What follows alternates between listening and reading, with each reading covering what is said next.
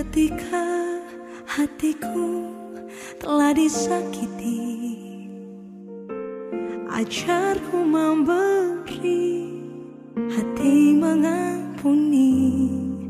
Ketika hidupku telah dihakimi Ajarku memberi hati mengasihi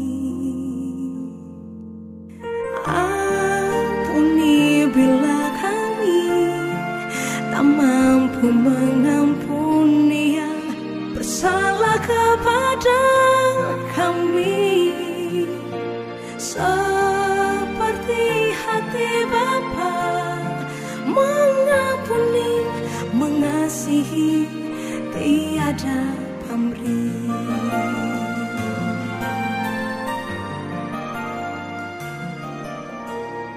Shalom semuanya, gimana kabarnya hari ini? Semoga tetap sehat ya. Pada kesempatan kali ini, kita mau sama-sama mendengarkan renungan agar kita bisa sama-sama bertumbuh. Meskipun persekutuan secara online, percayalah bahwa Tuhan hadir di tengah-tengah kita. Selamat mendengarkan. Tetap mengasihi walau dilukai. Lukas 6 ayat 32 sampai 33. Dan jikalau kamu mengasihi orang yang mengasihi kamu, apakah jasamu? Karena orang-orang berdosa pun mengasihi juga orang-orang yang mengasihi mereka. Sebab jikalau kamu berbuat baik kepada orang yang berbuat baik kepada kamu, apakah jasamu? Orang-orang berdosa pun berbuat demikian. Mengasihi kepada orang yang telah mengasihi kita tidaklah sulit. Namun, bagaimana dengan mengasihi orang yang telah menyakiti kita? Pastinya cukup sulit, teman-teman. Sangat sulit ketika kita berada di posisi diremehkan, disakiti, dihianati, diejek, dan lain sebagainya. Saat kita disakiti oleh orang lain, kita pasti rasanya ingin membalas atau membenci mereka atau bahkan melakukan pembalasan lebih dari yang mereka lakukan. Sebagai anak Tuhan, kita memang belum sempurna.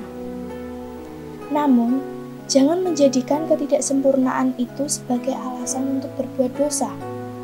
Rasa benci yang dibiarkan terpendam akan menjadi kepahitan diri kita sendiri. Karena hati akan terasa tidak tenang apabila orang yang menyakiti kita belum mendapat balasan yang setimpal. Walaupun berat, berusahalah untuk memberikan pengampunan. Paksa hati kita yang sakit untuk mau melihat seseorang tersebut dari sisi positif. Jangan mengungkit-ungkit masalah yang lalu, karena itu bisa membuat kita lebih sakit dan bertambah marah ataupun benci. Tuhan sendiri yang akan mengobati dan menyembuhkan luka hati kita.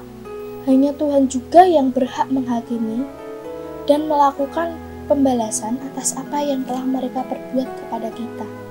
Kita hanya perlu menyerahkan hati kita kepada Tuhan dan meminta pertolongannya, agar hati kita yang terluka bisa disembuhkan, karena hanya Tuhan yang sanggup mengobati hati yang terluka. Kita hanya perlu berserah dan mendoakan orang yang telah menyakiti kita, menyerahkan kepercayaan penuh pada Tuhan untuk bekerja dan menyembuhkan luka yang ada pada kita. Dengan memandang kepadanya, kita dapat melihat betapa besar kasihnya kepada kita, sehingga kita dapat mengasihi orang lain. Untuk menutup renungan hari ini, mari kita bersatu di dalam doa. Tuhan yang bertahta di dalam surga, terima kasih Tuhan atas segala anugerah yang telah Kau berikan kepada kami.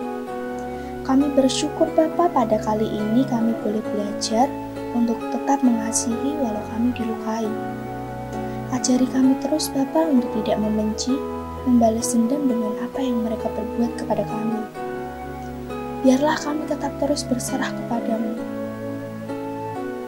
Mampukah kami untuk melakukan apa yang menjadi perintahmu? Kami mau menjadi pelaku firman-Mu Tuhan. Kiranya firman Tuhan yang telah kami dengar dapat kami praktekkan ke dalam kehidupan kami sehari-hari, dan firman-Mu ini dapat bertumbuh di dalam hati kami. Di dalam nama Tuhan Yesus kami sudah berdoa dan mengucap syukur. Haleluya. Amin.